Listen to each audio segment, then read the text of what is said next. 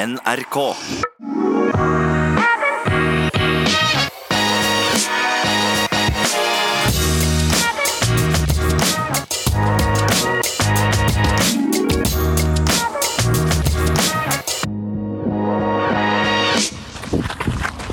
Hjertelig velkommen til en ny episode av I det lange løp. Jeg heter Jan Post, og akkurat nå er jeg ute på løpetur. Dvs. Si oppvarming til en litt tøffere løpeøkt for dagens gjest.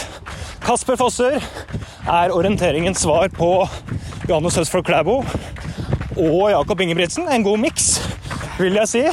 Han skal nå ut og løpe 3000 meter. Prøve å løpe under åtte minutter for første gang i sitt liv. Akkurat startet oppvarmingen. Hvordan har du det? Jeg har det egentlig veldig bra.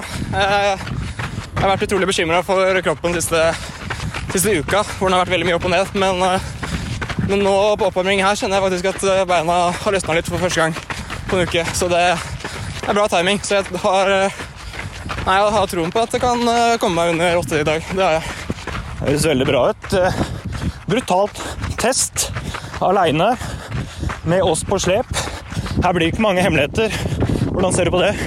Nei, det syns jeg bare er kult. Jeg liker å løpe med litt press. Da, da skal man klare å presse seg enda litt hardere. Så nei, jeg får bare, får bare dunke på i dag. Det, det er alltid eller ingenting. Hva blir løpsopplegget?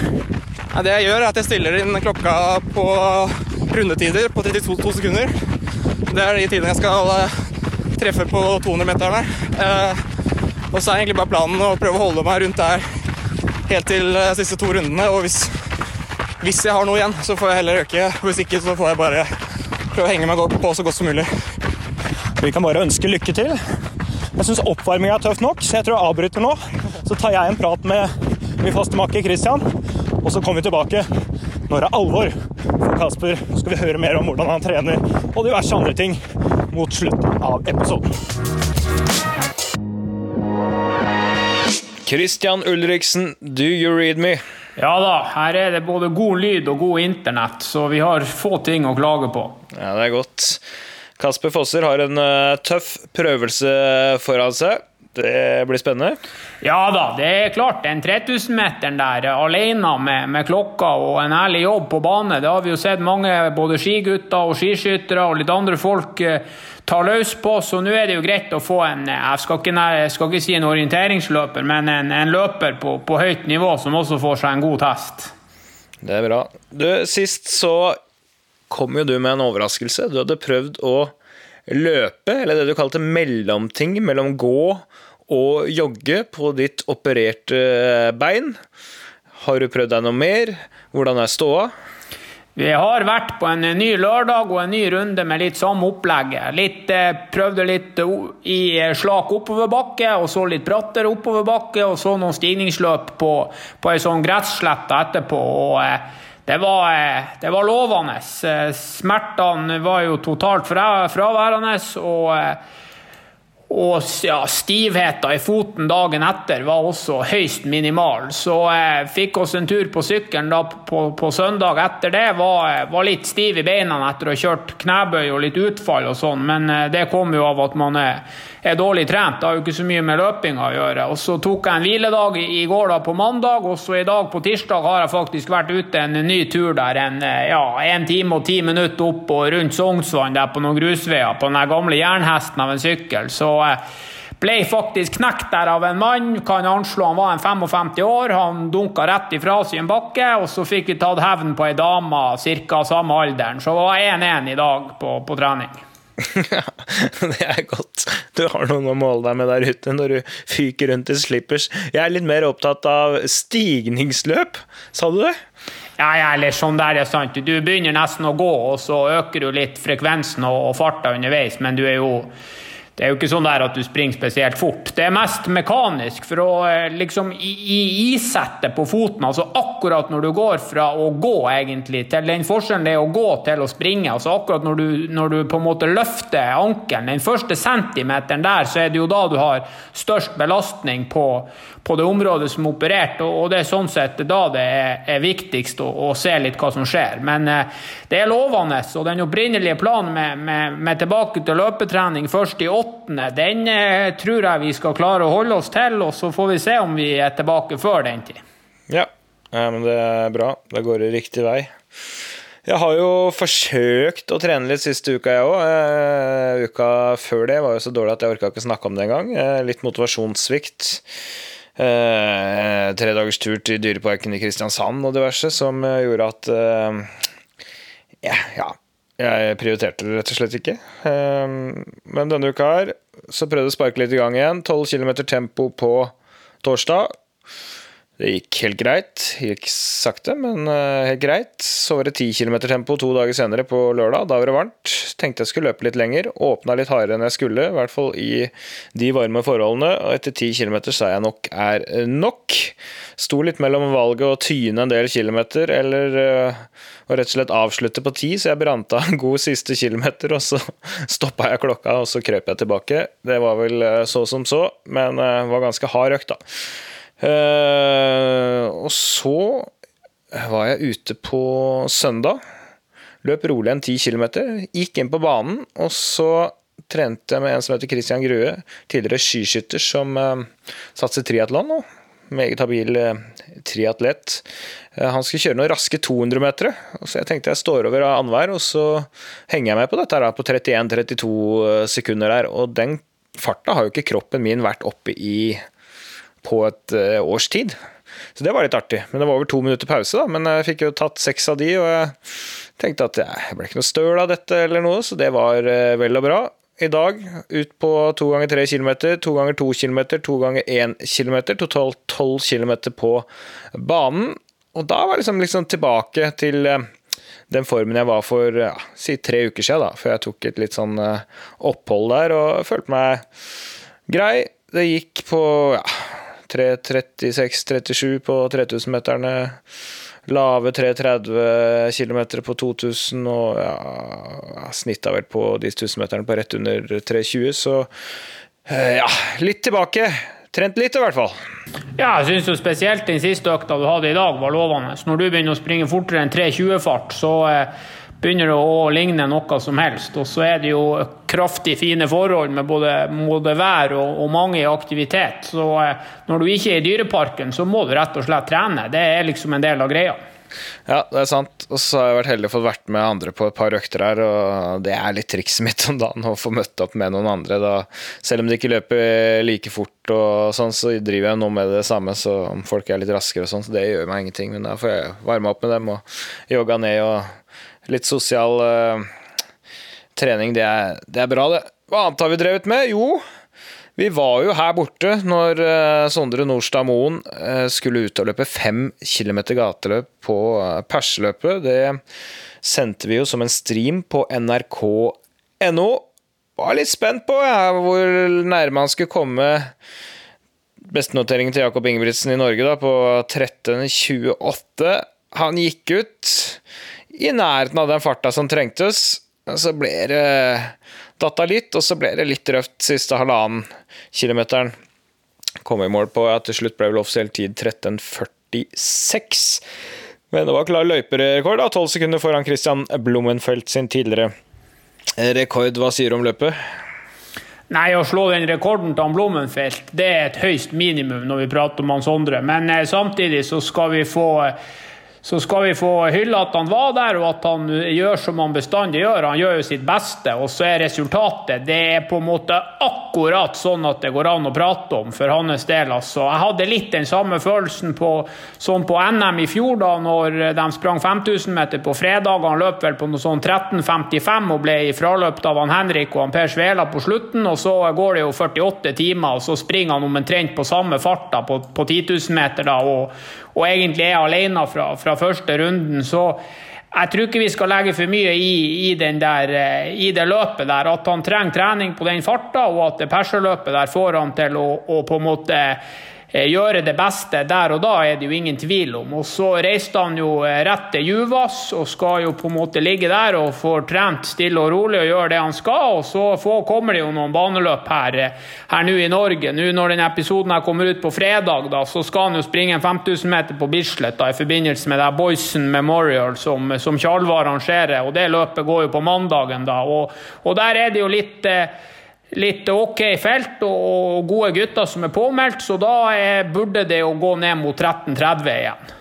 Ja, barndoms, skal vi si, konkurrentene Sondre Nordstadmoen og Henrik Ingebrigtsen møtes annet i et eh, veldig bra felt der. Skal vi se om vi også får sendt det på nrk.no for den som er interessert. Men vi tok en prat med Sondre da etter 1346-løpet, hørte litt hva han syns selv. Han har også tatt eh, ledelsen i vår eh, timesutfordring. Det gjorde han på Bislett Games i den 25 000-meteren løp der bare en uke før. Kjente nok den litt i dette løpet.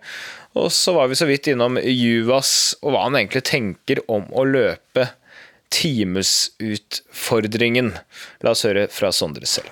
Da har Sondre Nordstadmoen akkurat løpt fem kilometer gateløp, og det gikk på 13.46. Hva sier du da, Sondre? Uh, det er litt eh, Det var litt bak det jeg eh, håpa på. Eller sånn, I utgangspunktet så hadde jeg vel kanskje sagt til meg sjøl alt mellom 13.50 og 13.30 på en god dag. Så det var helt i nedre skalaen der, men eh, ja eh, Det var jo mest bare for å få blåst litt sot av pluggen, egentlig, men jeg skulle helst ha likt å sprunge 15 sekunder fortere, altså det må jeg ærlig innrømme, men jeg, får, jeg må nesten få treneren min til å egentlig konkludere litt hva han mener. Eh, Jeg vet egentlig ikke helt hva han forventa av meg her. Altså han, jeg sa jo at det her var mest for gøy, og egentlig bare for å sjekke ståa litt. Men eh, de svarene jeg får, jo at jeg eh, rett og slett er litt for svak på 240-fart. Altså jeg blir sliten med å Jeg må tenke at jeg skal holde opp stegefrekvensen. Og det kan du ikke springe og tenke på hvis du skal ha fokus på å springe fort. I denne podkasten så har vi jo en timesutfordring på Bislett. Under Impossible Games så kom du 20 km, 703 meter, og tok en soleklar ledelse.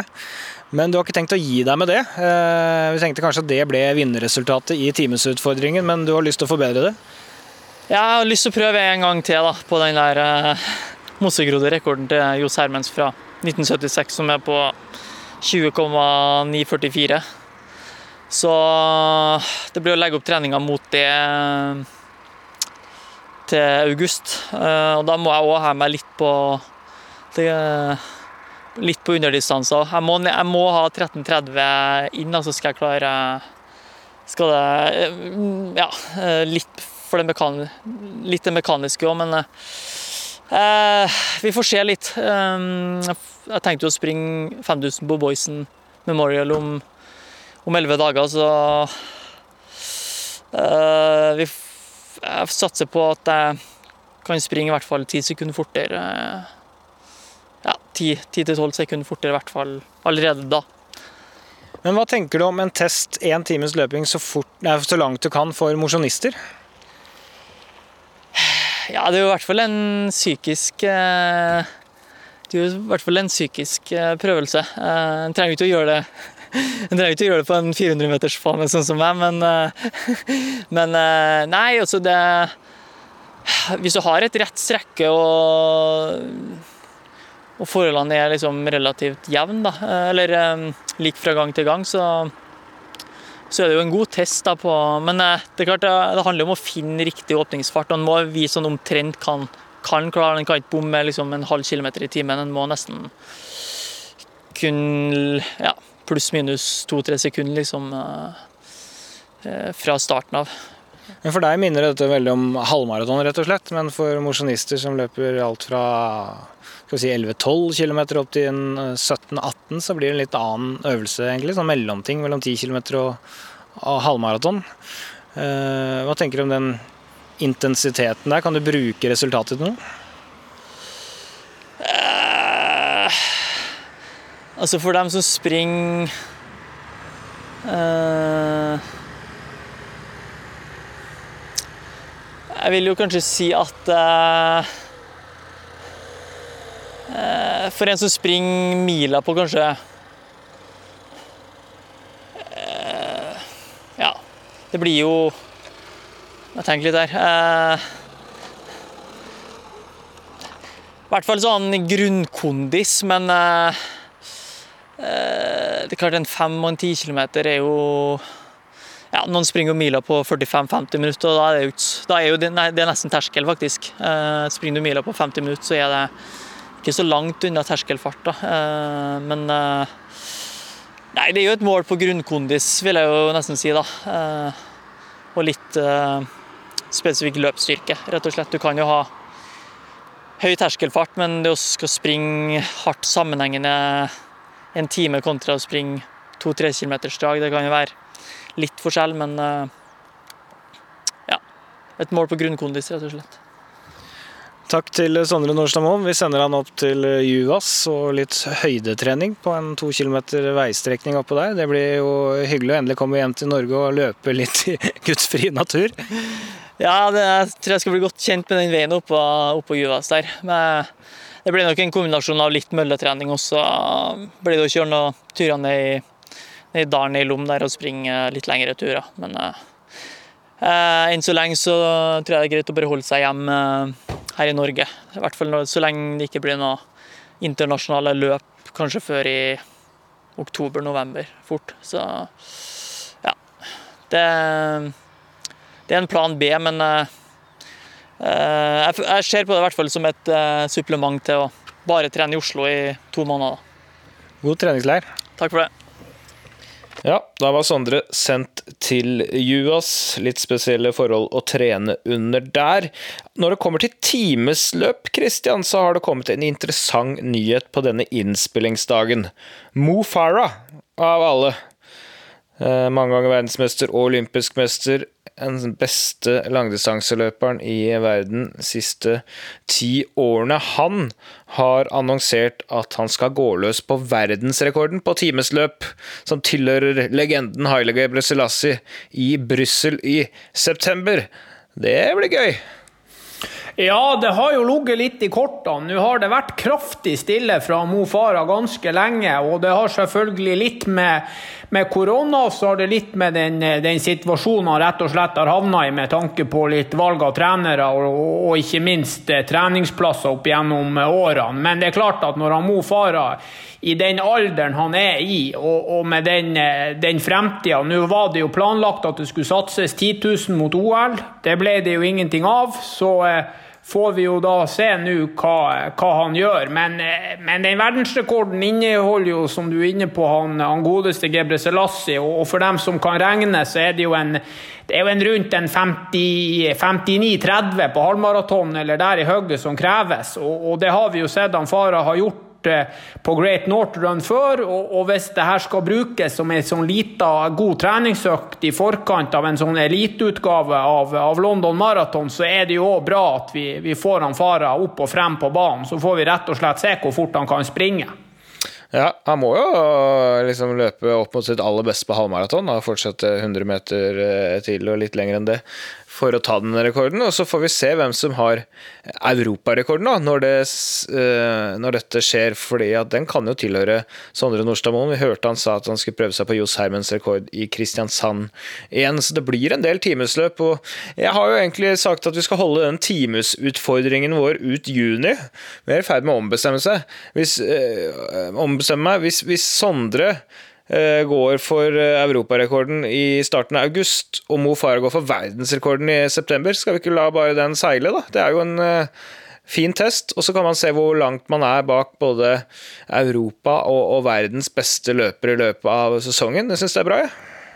Ja, det er jo veldig lite som er mer ærlig enn en løping. Og det er verdens enkleste idrett fortsatt, for det om vi har fått litt bedre skotøy og på en bane, så er det ingen som kan prate om verken svinger eller dårlig GPS. Og det er klart at når de nå bestemmer seg for å smelle til de aller beste, så er det jo, er det jo en, en, fin indikasjon på, på hvor sinnssykt gode de beste faktisk er. Og så syns jeg òg at at han Sondre Nå skal han prøve da 7.8 ned i Kristiansand i forbindelse med et litt større stevne. Litt à la det han var og gjorde i fjor når han løp 10 000 meter. Så da får han jo mest sannsynlig løpt her et, et godt stykke med andre gutter som skal springe 10 000 meter og, og passere rundt 28-40 eller der i hugget. Og så får vi se litt hva han har å, å gå med alene mot slutten. Men det er klart han, Mo Farah vet godt hvem han Sondre er, og, og, det er jo ingen tvil om at når han Farah kommer seg på startstreken, så er er det kun de aller beste tidene som gjelder for han òg. Så det har sikkert vært eh, motiverende for han Farah òg. Han har tross alt omtrent vært på ei mølle i, i, sentrum av London her nå i, i månedsvis, så han begynner sikkert å bli kraftig konkurransesugen, han òg. Ja, det blir spennende. Det er bra det skjer litt uh, ting framover. Uh, en annen ting vi har gjort uh, siste uka, det var jo at jeg i helga var og så noen relativt gode langrennsløpere. Um, skulle prøve seg på 3000 meter. Det var Morten Eide Pedersen, langløperen. Det var Johan Hoel, som har flere topp 20-plasseringer i, i verdenscupen.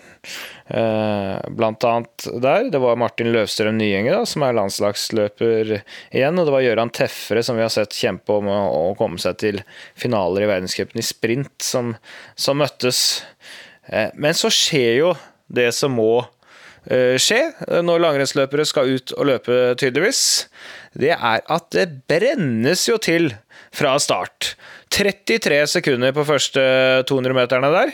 Det er jo fart til alt annet enn ni blank, som de skulle åpne til.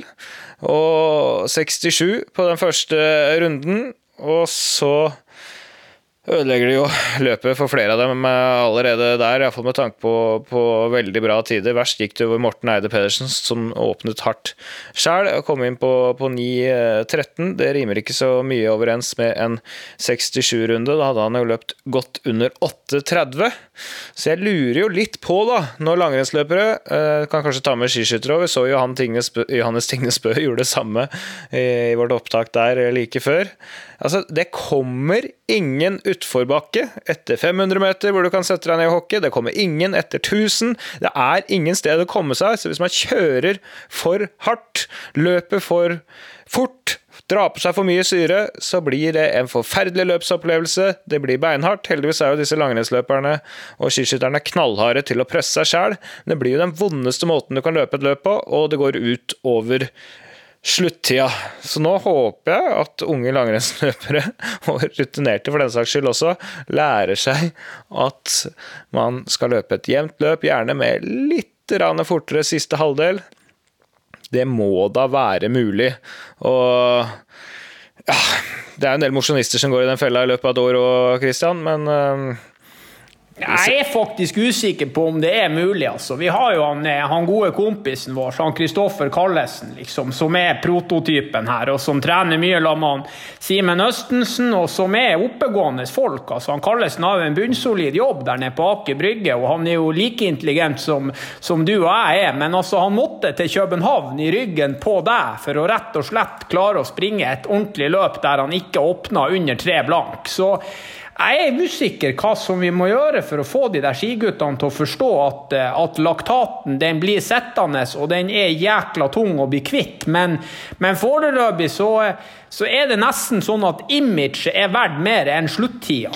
Ja, ta en titt på løpet til Johaug på Bislett når hun fulgte dette lyset og fikk et jevnt, godt løp hvor hun kunne løpe en rask siste 1000 meter. Hun var strålende fornøyd med gjennomføring, fikk en mye bedre løpsopplevelse. Det er det man burde lære av. Og det, det gjelder jo mosjonister. Vi har jo alle gått i den fella, inkludert deg ganske gang, mange ganger på 10 km i hvert fall, Christian. Så det er jo ikke så lett som man skal ha det til, men uh, det er mange, det er lov. Du må huske på i langrennsmiljøet, det er mange der som har sett det der opptaket av han Bjørn Dæhlie som er tatt på midten av 80-tallet, der jeg tror kanskje han går NM eller noe sånt for første gang, og, det blir intervjua en sånn 15 km intervallstart, og han er jo sekundert inn der på, på første sekunderingspost der i, i, front for hele NM, og er vel en, en pluss-minus to minutter etter når han kommer i mål, og så forteller han bare at det, det var ikke åpninga det var noe galt med, det var resten av løpet. og så det er for mange skiløpere som har sett opptaket der i reprise, og så nekter de å glemme det der. Så de, de, kjører helt til det ikke er flere sjanser igjen, og så legger de opp.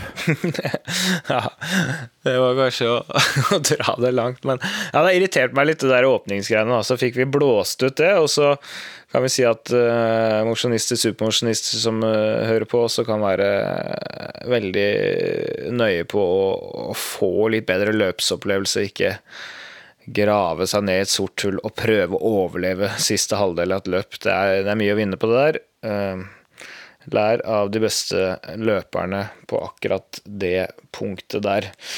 Ja, da fikk vi sagt det, Kristian. Nå Det er viktig vi å få seg en runde med de skiløperne, Jan. Det må vi ha med nesten som på hver episode nå på sommeren. For at eh, det tror kan, kan, Hvis vi klarer å hjelpe én mann, kanskje han, han Kallesen én gang der nede på Frognerkilen, så har vi gjort vår jobb. Det er bra. Men nå må vi se åssen det gikk med Kasper Fosser, altså. Dagens hovedgjest som sa ja til at eh, jeg skulle filme han direkte på Instagram. Nå ligger løpet der ute. Eh, Og jeg skulle kommentere, så jeg var to meter unna han, to-tre meter, hele løpet, og, og kommenterte eh, omtrent som jeg gjør inne i en kommentatorboks. Det hadde han rett inn, og det var sikkert eh, gøy en stund, men når du begynner å butte, så spørs det hvor gøy akkurat det er. Men vi må, vi må rett og slett få høre litt hvordan dette løpet gikk, når en modig Kasper Fosser, en av verdens aller beste orienteringsløpere, prøvde seg på en 3000 meter-test. Klar, ferdig, gå! Første 200 går litt raskere enn eh, de skal for Kasper Fosser. Passerer på ca. 31, så farten er der fra start. Da er spørsmålet bare hvor eh, lenge han holder. Så altså 2.38, 2.41. Må være i stand til å gjøre en ganske god siste runde nå. Hvis han holder farta på den neste runden, kommer opp til passering to runder igjen.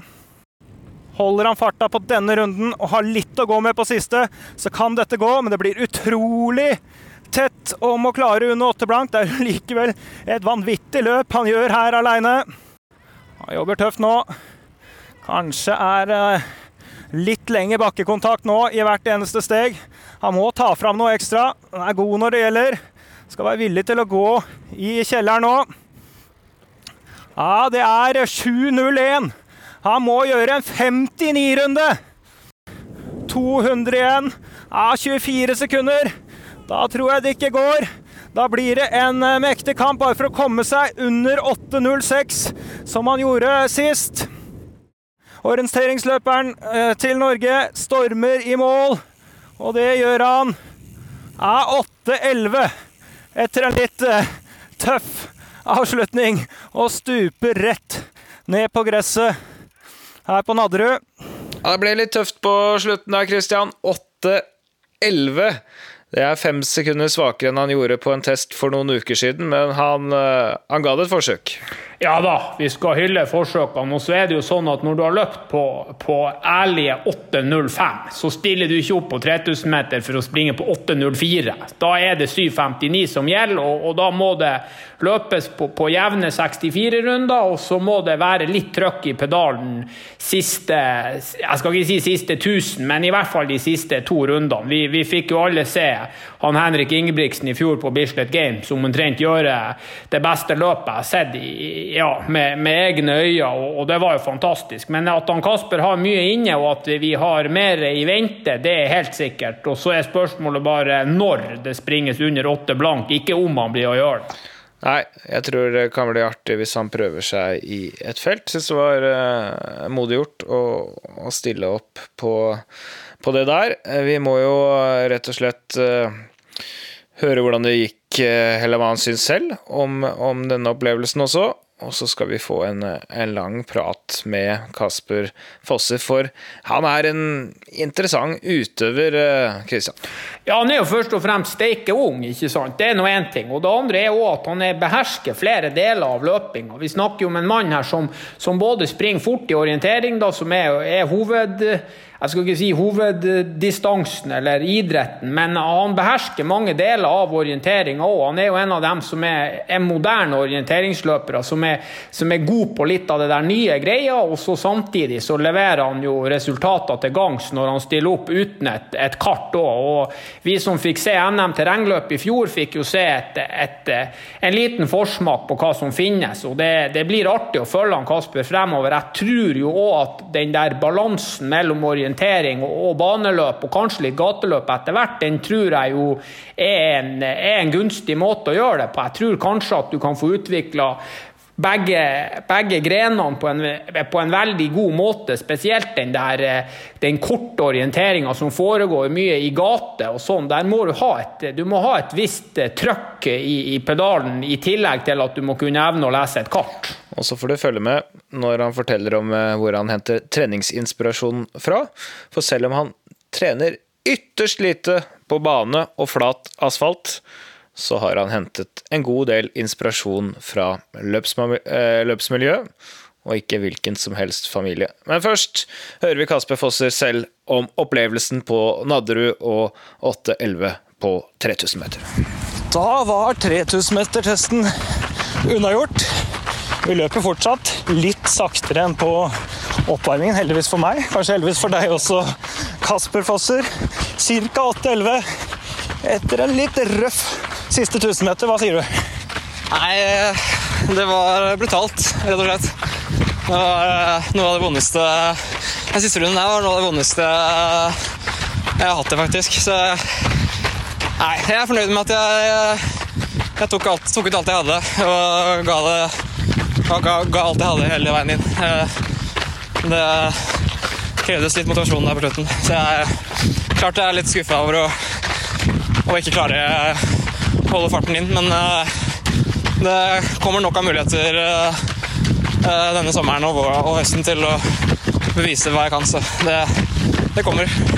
8.06 for noen uker siden. Da var det jo naturlig målet selvfølgelig å løpe under åtte minutter. Hva er det som skiller dette løpet fra skal vi si, suksess da, under åtte? Jeg tror, jeg tror først og fremst at det hadde det vært en 10-15 eh, grader eh, kaldere i dag, eh, så, rundt samme forhold som vi hadde, hadde her for fem uker siden, så, så, tror jeg jeg hadde klart det. Jeg tror jeg kunne klart sub 8 den, den, dagen jeg løp 8.06 òg, hvis jeg hadde gått inn for det. Så, og jeg vet også at jeg er på, på, trening og intervaller så vet jeg at jeg er bedre enn jeg var før 8.06-løpet her, så det skal nok ikke mye til. Jeg må finne finne riktig dagen og kanskje få, få løpt i et godt felt, så, så er jeg sikker på, at, sikker på at det skal gå. Det er jeg. Vi må berømme deg for å være modig. Dette løpet gikk jo live på Instagram-kontoen vår. Det fins nå også på Instagram for å gå tilbake og se på. For de som har lyst til å finne oss der, så kan dere se løpet. Og jeg syklet to meter unna deg og kommenterte. Eh, hvordan var det? Nei, det var eh, Det var spesielt. Aldri fått, live, aldri fått noen live-kommentering på løpet mitt sånn som det der. Så Nei, det Da tør man ikke annet enn å gi alt man har. Eh, når man har eh, Norges beste kommentator ved siden av seg. Så nei, det var veldig, veldig spesielt og veldig gøy. Jeg tenkte at det kan jo være en boost så lenge det går bra. Da ler man seg litt inn i det, men du skjønner jo der med 400-500 meter igjen at det ikke går. og jeg begynner kanskje å si at du står litt lenger i hvert steg, begynner å snakke 59 siste runden, det er tvilsomt osv. Hvordan er det da?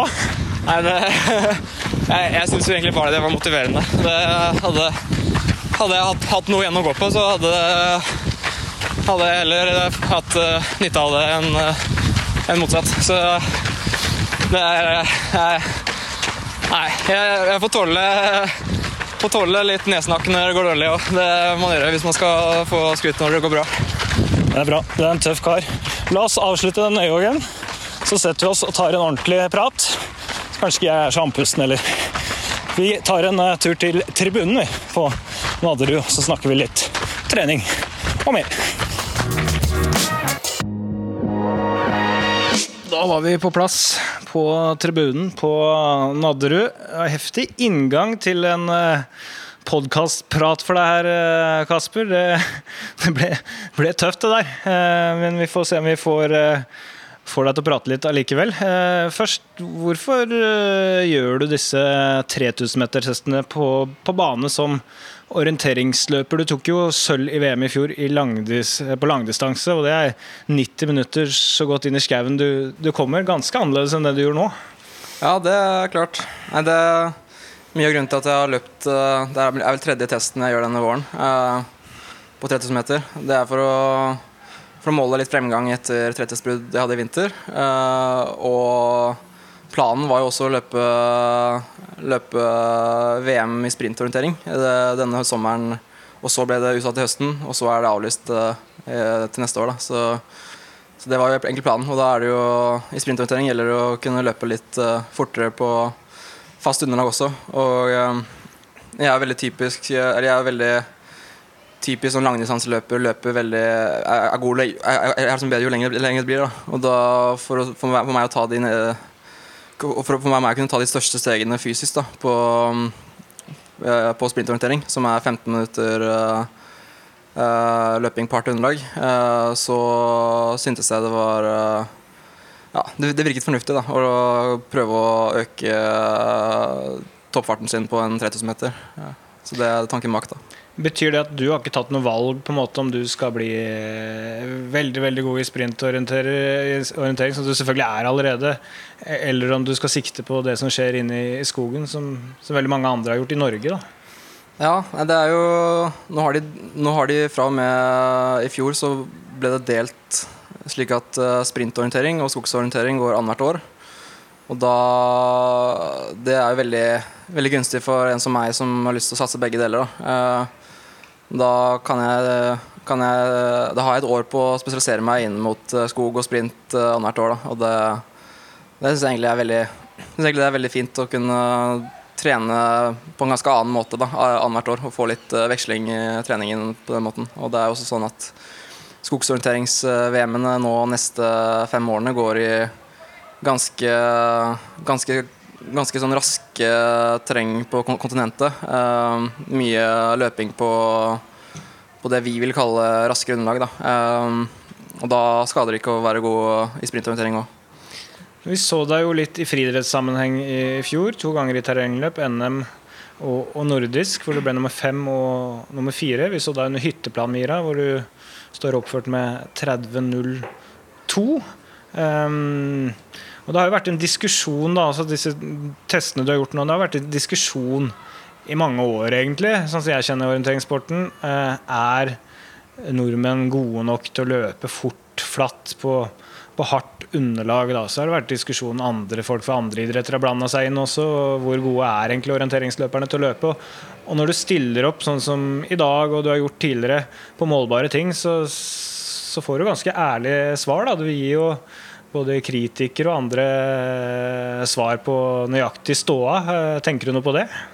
Ja, absolutt. Jeg syns jo Ja, jeg syns jo også at mye av Altså at det er viktig for o-løpere å stille opp på litt sånn her friidrettsløp, og kanskje særlig terrengløp. da, Og vise litt, vise litt at vi faktisk kan løpe. For det er mange i orienteringsmiljøet som virkelig er gode også på, også på gress og tartan. Um, Uh, som gjerne burde stilt opp mye mer. Uh, nei, jeg, jeg syns jo uh, Jeg som liksom selvfølgelig kjenner eliteorientering veldig godt og kjenner nivået til ulike utøvere, jeg syns jo hele den debatten om o-løpere er bra til å løpe eller ikke, er litt Det er, er jo selvfølgelig litt tullete. Um, men da er det jo også veldig gøy å, å, vise at vi i hvert fall har, ja, har litt fart på banen òg, da. Det er det.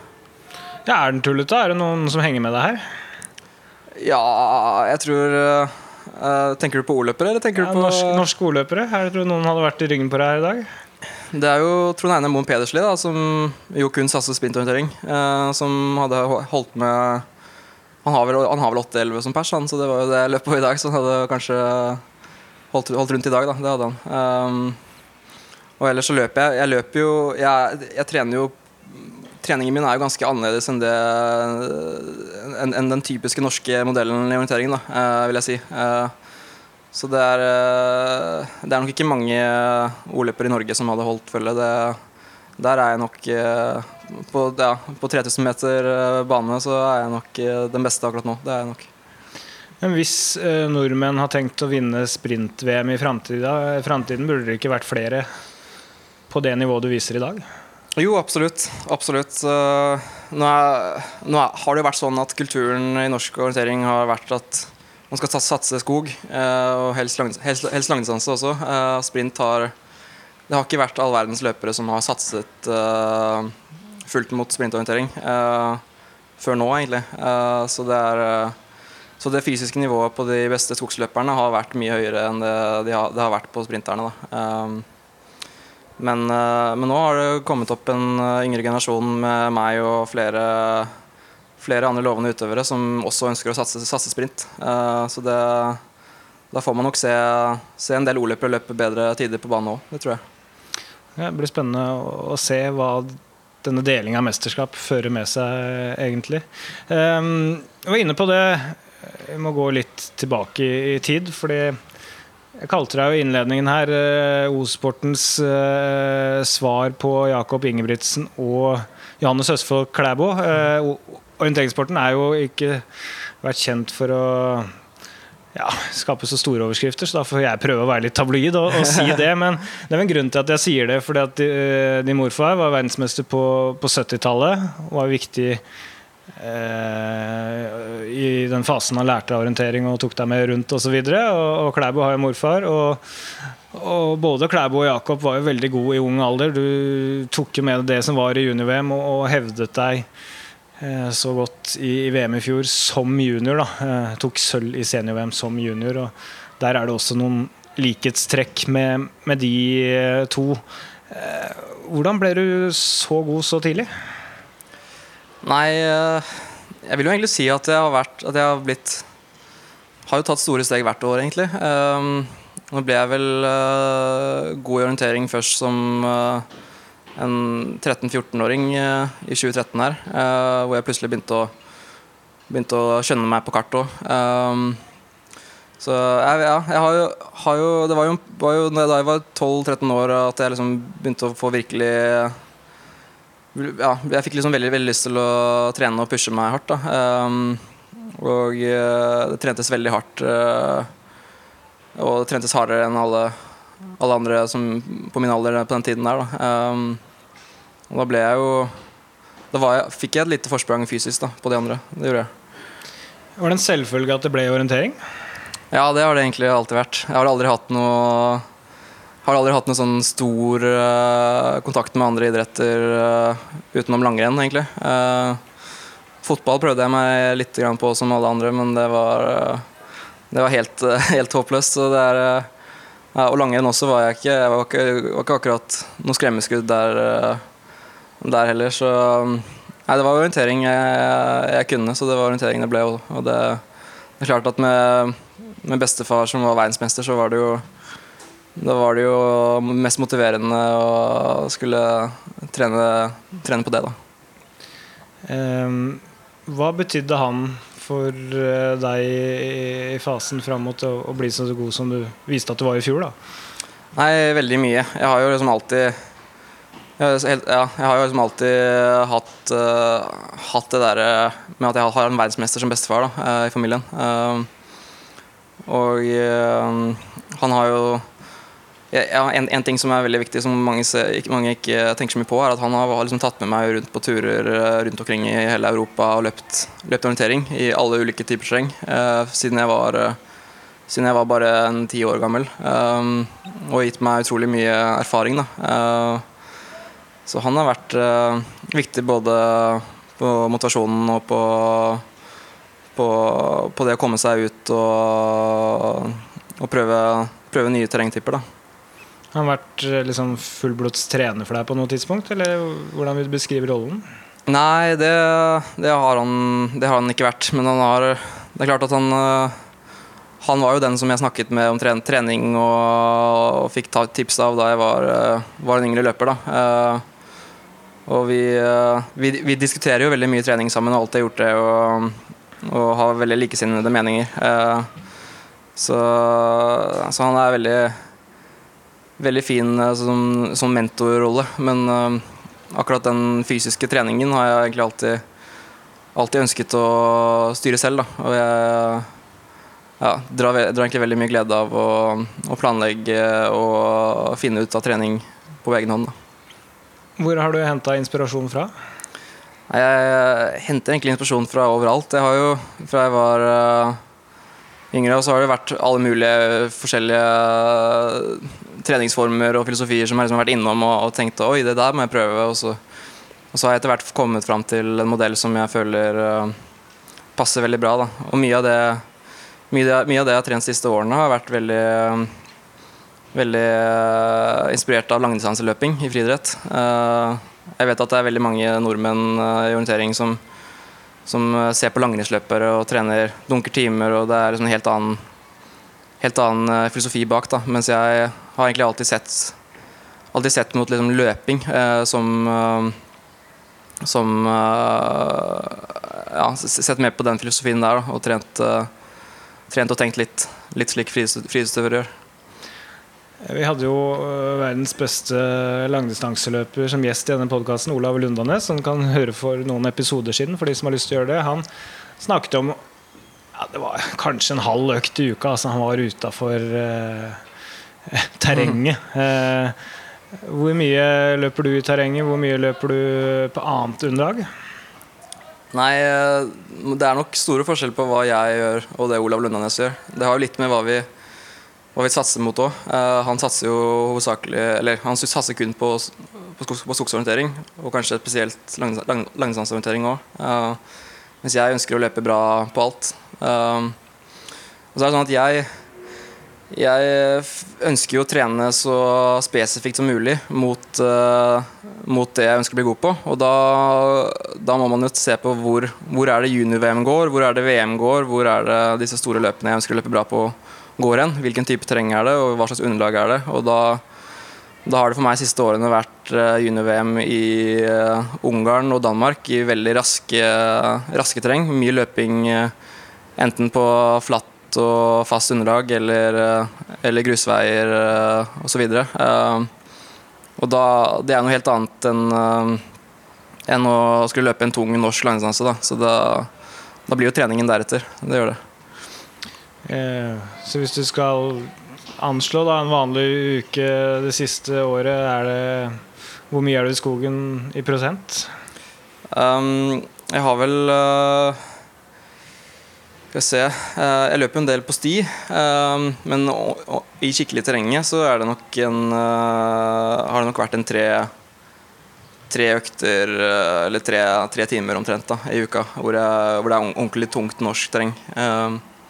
Så det, det er jo ikke så mye. Men det har også vært fordi jeg har trent mot mot en helt annen terrengtype da, enn det vi har i Norge. Og da er det ikke all verdens hjelp å trene masse i tungt norsk terreng. da. Nei, men Du tok jo VM-sølv eh, ja, Om ikke tungt norsk terreng, så var det ikke det letteste Østfold-terrenget heller. Det, var, eh, det er så langt inn i skauen du kommer når det er på langdistanseorientering. Så det må jo ha fungert til å bli god til det òg.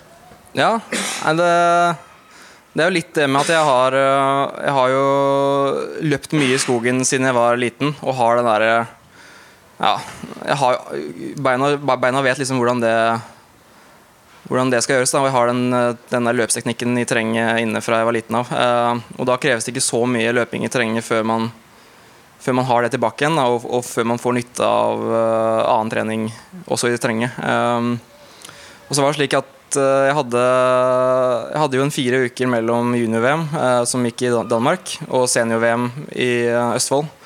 Og jeg fikk ikke vite at jeg skulle løpe senior-VM i Østfold før på junior-VM, så det var liksom det var liksom de fire ukene da, hvor jeg hadde, hadde på å virkelig spesialis spesialis spesialisere meg mot uh, tungt terreng i Østfold. Eller det er ikke tungt, men relativt i forhold til Danmark. da. Um, så da, altså De fire ukene der har jeg nok trent uh, Der ville man nok sett at treningen min er ganske mye likere det Olav Lundanes gjør, da, enn det, um, enn det jeg trener uh, til vanlig.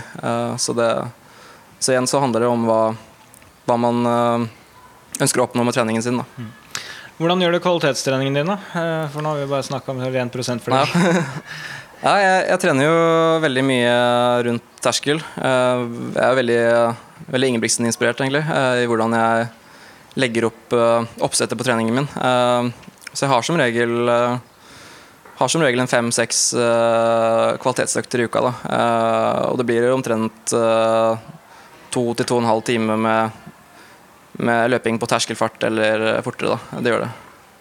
Det blir en god del kilometer, uansett eh, underlag. Uh, Ingebrigtsen, ja. Det er veldig mange i Norge på løpesiden som selvfølgelig er inspirert av den. Vi ser det har spredd seg til Sverige, det har spredd seg til, til, Danmark. Så nå er jeg litt spent på hvor inspirert du er, hvis vi kan gå litt sånn gradvis gjennom en uke her. For da vil vi fort oppdage hvor nærme det ligger. Ja, det, det tror jeg. Nå, nå, til vanlig så løper man jo mye løp hele året, egentlig, og da ser jo ukene veldig annerledes ut. Men vi kan jo godt ta en standarduke nå eh, denne våren her, da. Hvis, ja, det er jo fint. Det passer jo bra. Ja. Uh, da er det som regel uh, har, det, har, som regel vært to terskeløkter på tirsdag. Uh, med totaltid på rundt 25-30 minutter på hver av de. Da.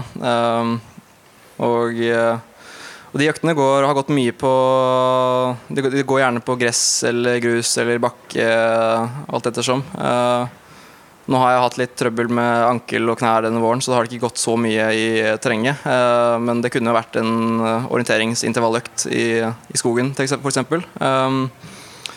Og så torsdag har jeg gjerne én, eh, bare kun én hardøkt på morgenen. gjerne, gjerne litt lenger, kanskje 35-40 minutter totaltid, rundt terskelfart.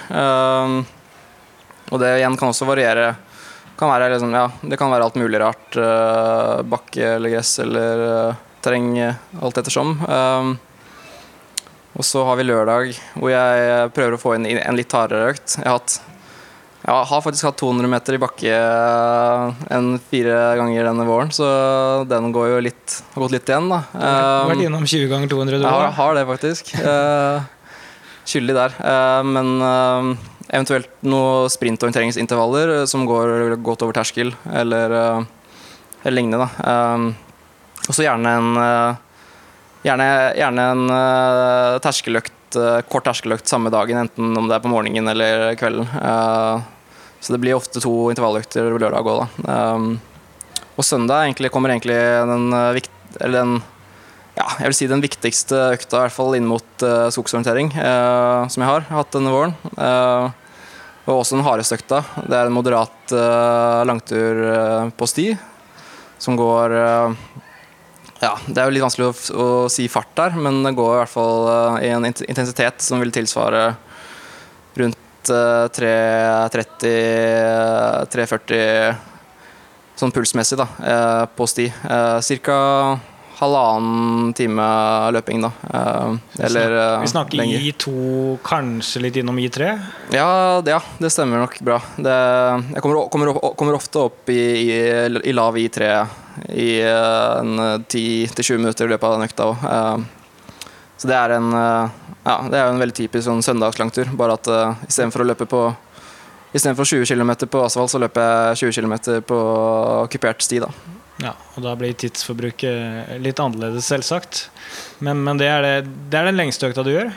Ja, det er det. Og det er egentlig noe jeg har begynt med nå i vår. Uh, ikke kjørt noe sånt før. Vanligvis så har vi jo Vi, vi ordløpere er jo vant til å konkurrere, konkurrere, mye, og det er jo som regel uh, to eller tre løp hver eneste helg. Og gjerne en, gjerne, gjerne langdistanse i orientering uh, som for meg som junior har vært en time, og som senior er halvannen time lang. Uh, og det blir egentlig, så det er egentlig, Da får man liksom den stimulien eh, hver uke gjennom orienteringsløp. Da. Men nå som det ikke har vært, vært, noe denne våren, så har jeg lagt inn den langturen i treningen min i stedet. Og det syns jeg har fungert veldig bra.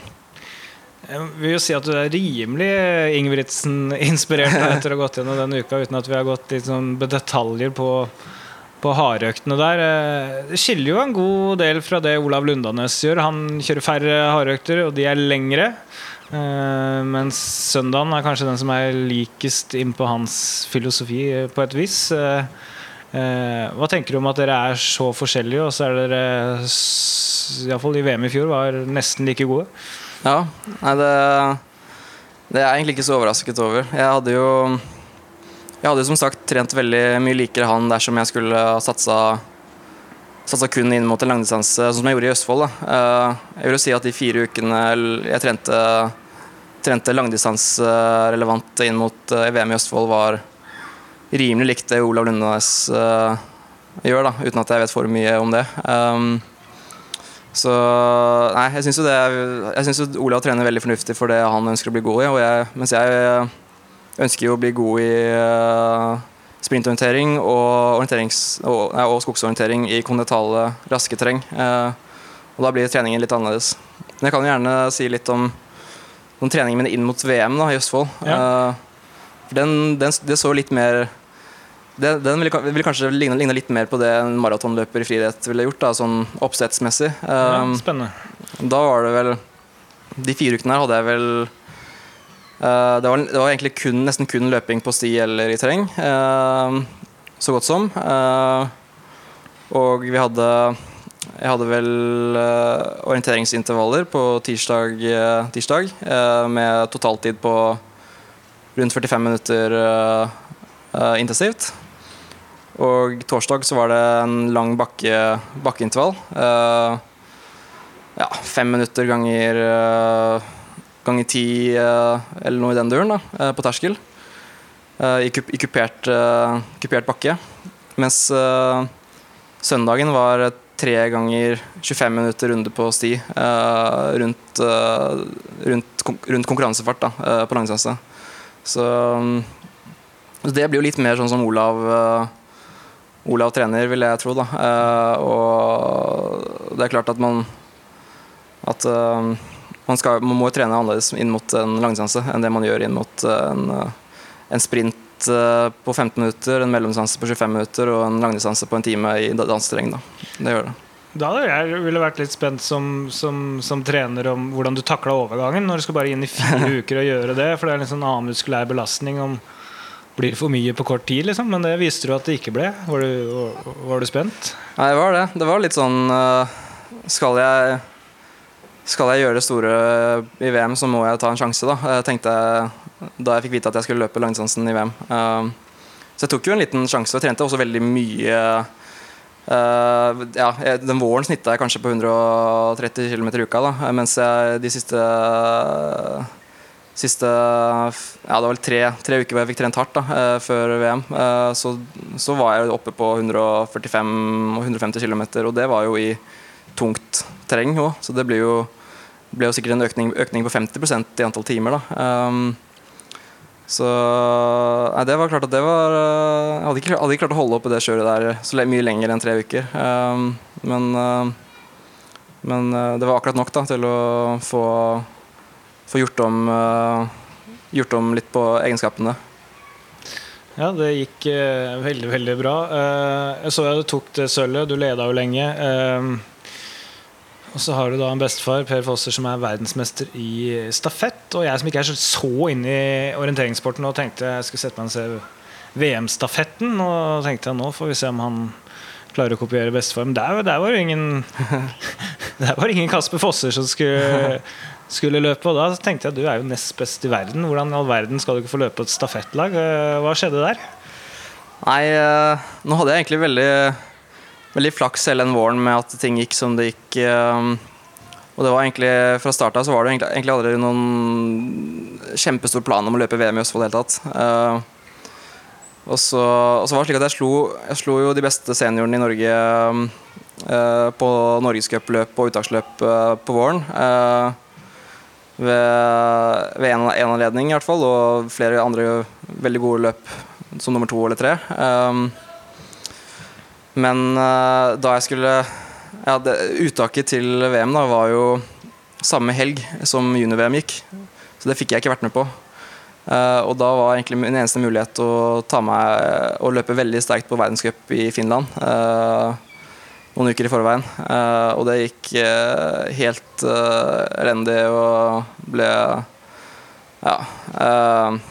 Da, da var jeg så heldig og fikk være med, være med landslaget på en samling eh, to uker senere. Eh, og løpt hardøktene mot dem. Og da vant jeg Vant jeg de to hardøktene, faktisk. Eh, og det var det som gjorde at jeg fikk, uh, fikk bli tatt ut på sjøen da, uh, til VM i Østfold. Og da var det da var det langdistansen hvor det var litt åpent om hvem som skulle få løpe. Og da, så da fikk jeg den siste plassen der. Uh, Ja, for jeg vil tenke kanskje.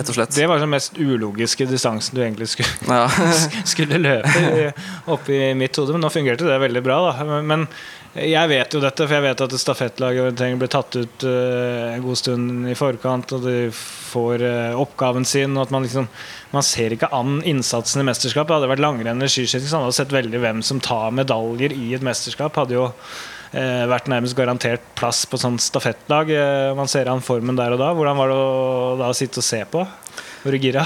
Ja, det er man gjerne skulle løpt, men øhm, nå hadde man jo hadde man jo tre veldig veldig sterke løpere på det laget. Eh, det var jo Olav som hadde tatt gull, eh, to gull, og Magne som hadde tatt bronsedagen bronse dagen før. Og Gaute Hallen Steiver som var med på stafettlaget som vant året før. Så det, det Ja. Jeg, jeg tror ikke jeg kunne, kunne vært med og gjort så veldig stor forskjell. Det tror jeg ikke. Um, og så var jeg også litt Jeg var litt utlada. Jeg hadde liksom uh, hadde liksom måttet omstille meg etter å ha gjort et kjempegodt junior-VM til å skulle løpe langdistanse. Og jeg var fullstendig tom da, for mental energi eh, etter, den, etter det løpet der. Så jeg var egentlig greit fornøyd med å ikke, ikke løpe der. Det var jeg faktisk. Det kommer nok flere sjanser til å kopiere bestefar senere, vil jeg tro.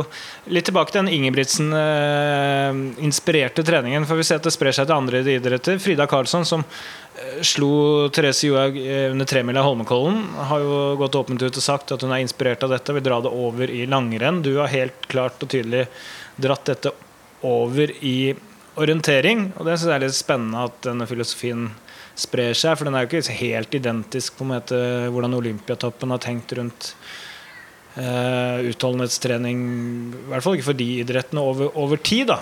Um, men så ser man jo at Ingebrigtsen de er veldig nøye på intensitetsstyring og står med laktatmålere. Og de løper mye på mølle, de løper mye flatt. Det er veldig kontrollerte forhold.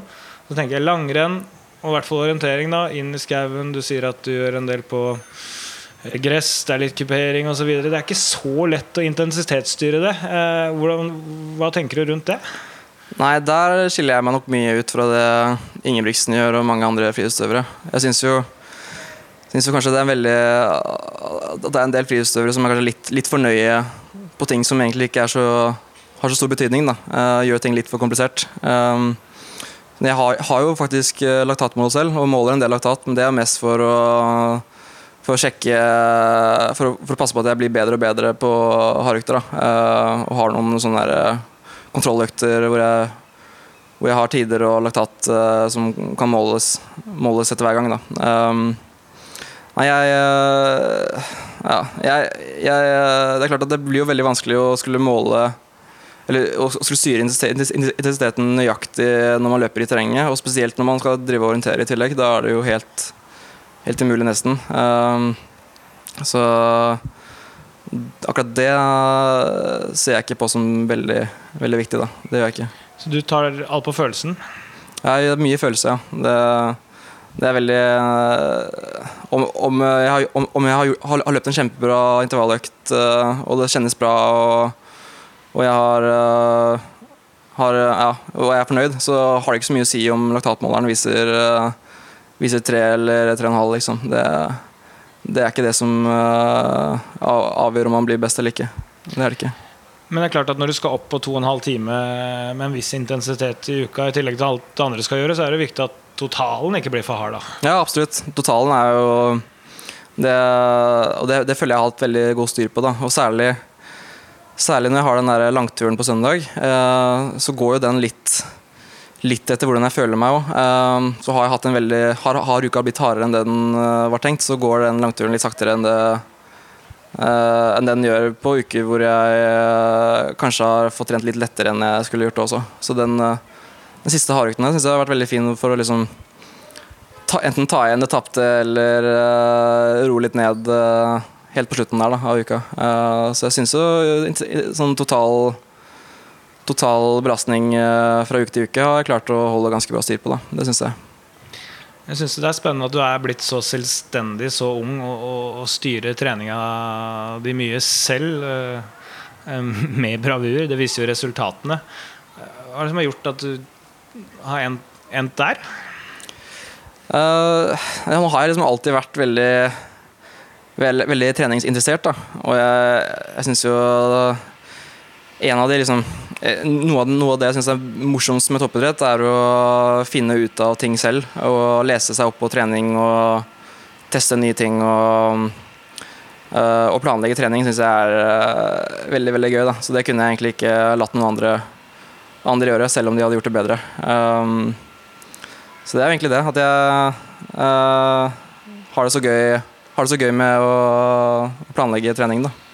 Altså, det, det er en del av motivasjonen din å, å gjøre reisen spennende på et vis? Ja, absolutt. Og så liker jeg veldig godt at eh, at, at det at det treningsproduktet jeg leverer av meg selv, at det liksom skal være Det skal liksom være mitt. da. Um, nå får jeg selvfølgelig veldig mye hjelp fra masse ulike støttepersoner. Jeg har jo en, tre, en trener som er veldig viktig for meg, og, og leger og landslagstrenere og alt mulig, alt mulig, forskjellig. Så det er jo ikke Det står jo ikke og faller, bare, bare, på meg heller, men, men akkurat det med å velge treningsfilosofi og og finne ut hva man skal trene, det, det vil, jeg, vil, jeg, gjøre selv. Da. Ja.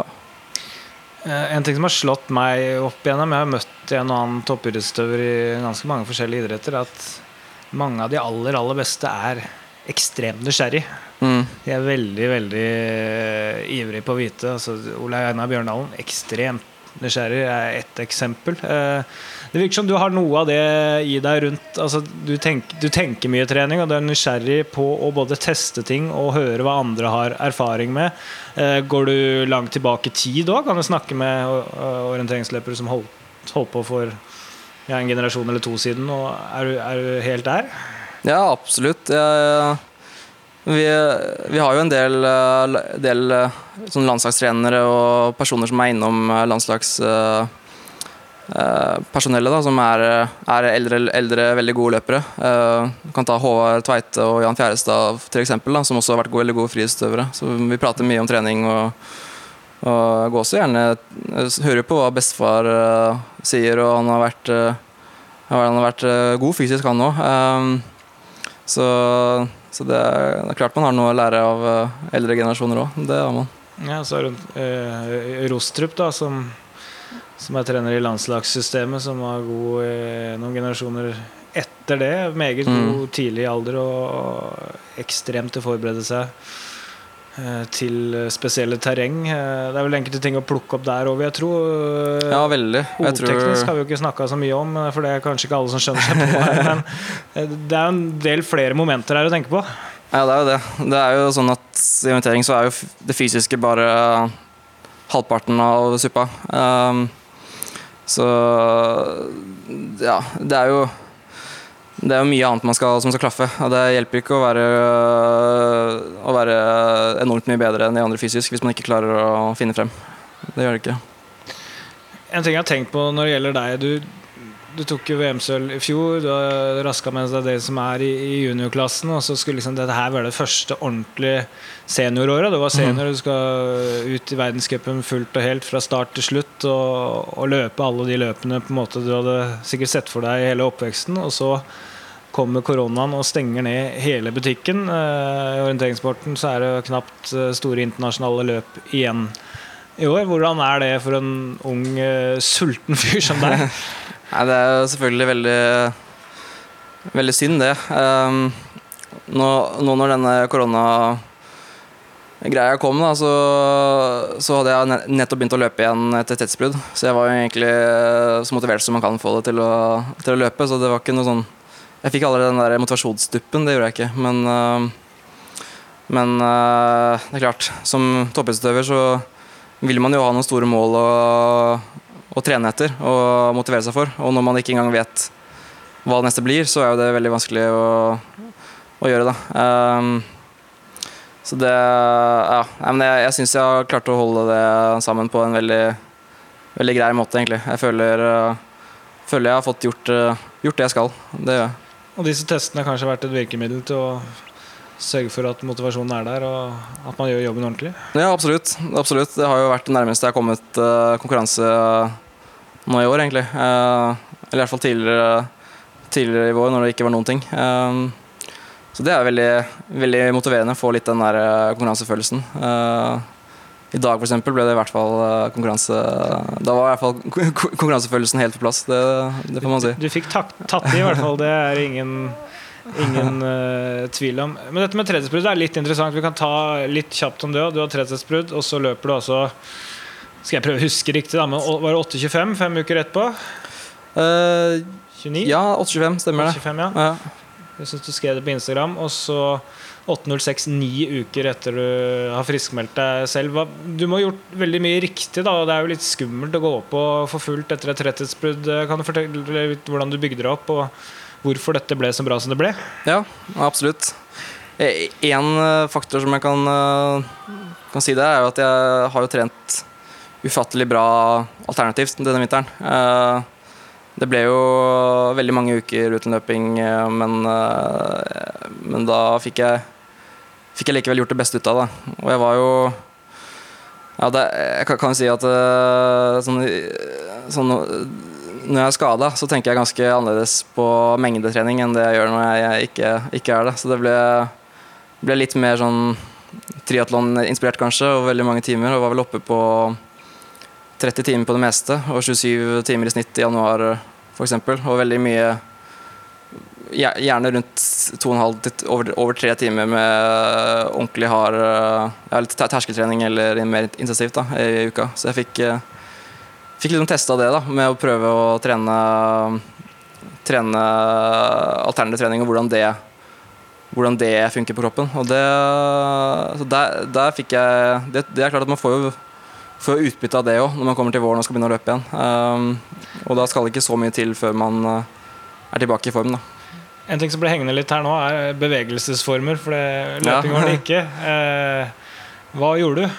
Nei, jeg, eh, jeg liker jo når jeg er skada, så, så er liksom målet å, å prøve å trene så løperelevant som mulig da, uh, uten å løpe.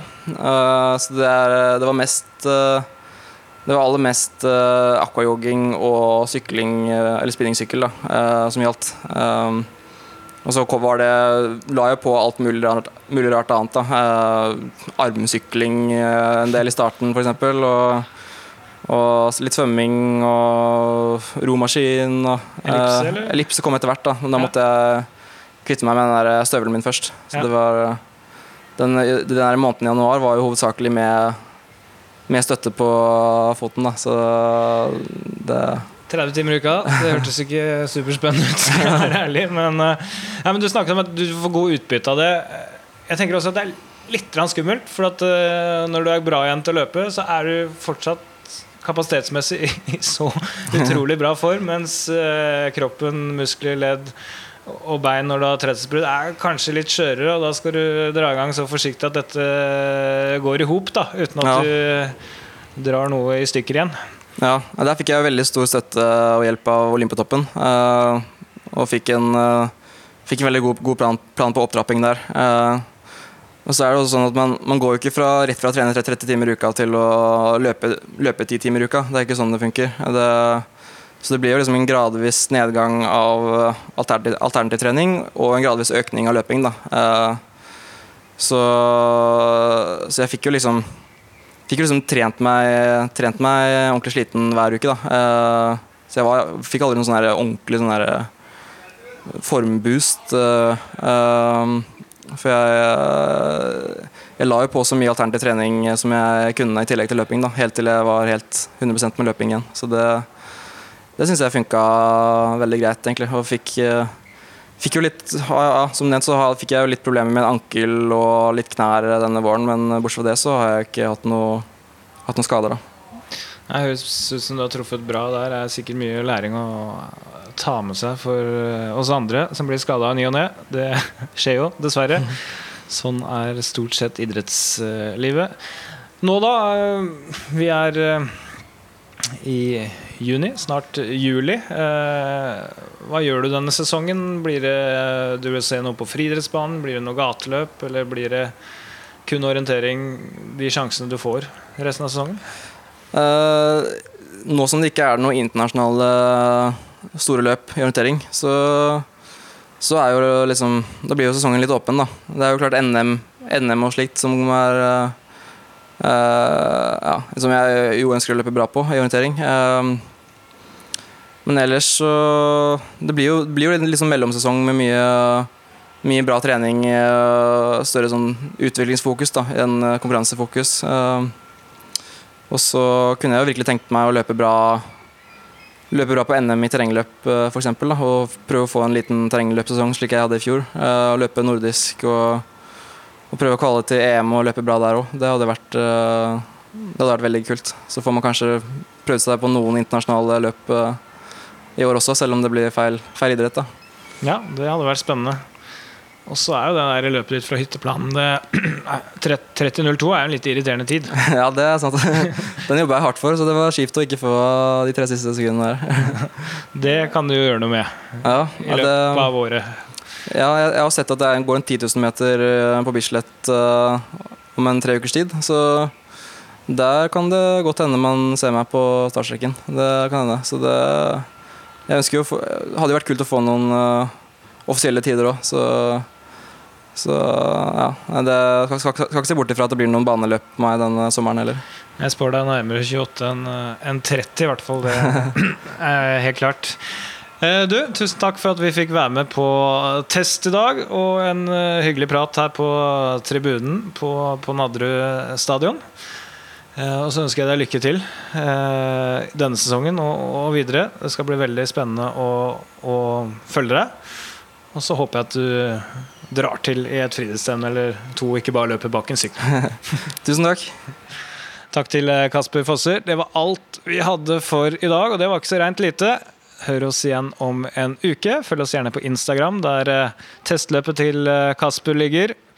NRK i det lange løp på Instagram. Takk for at du hørte på. Hør gjerne igjen neste fredag.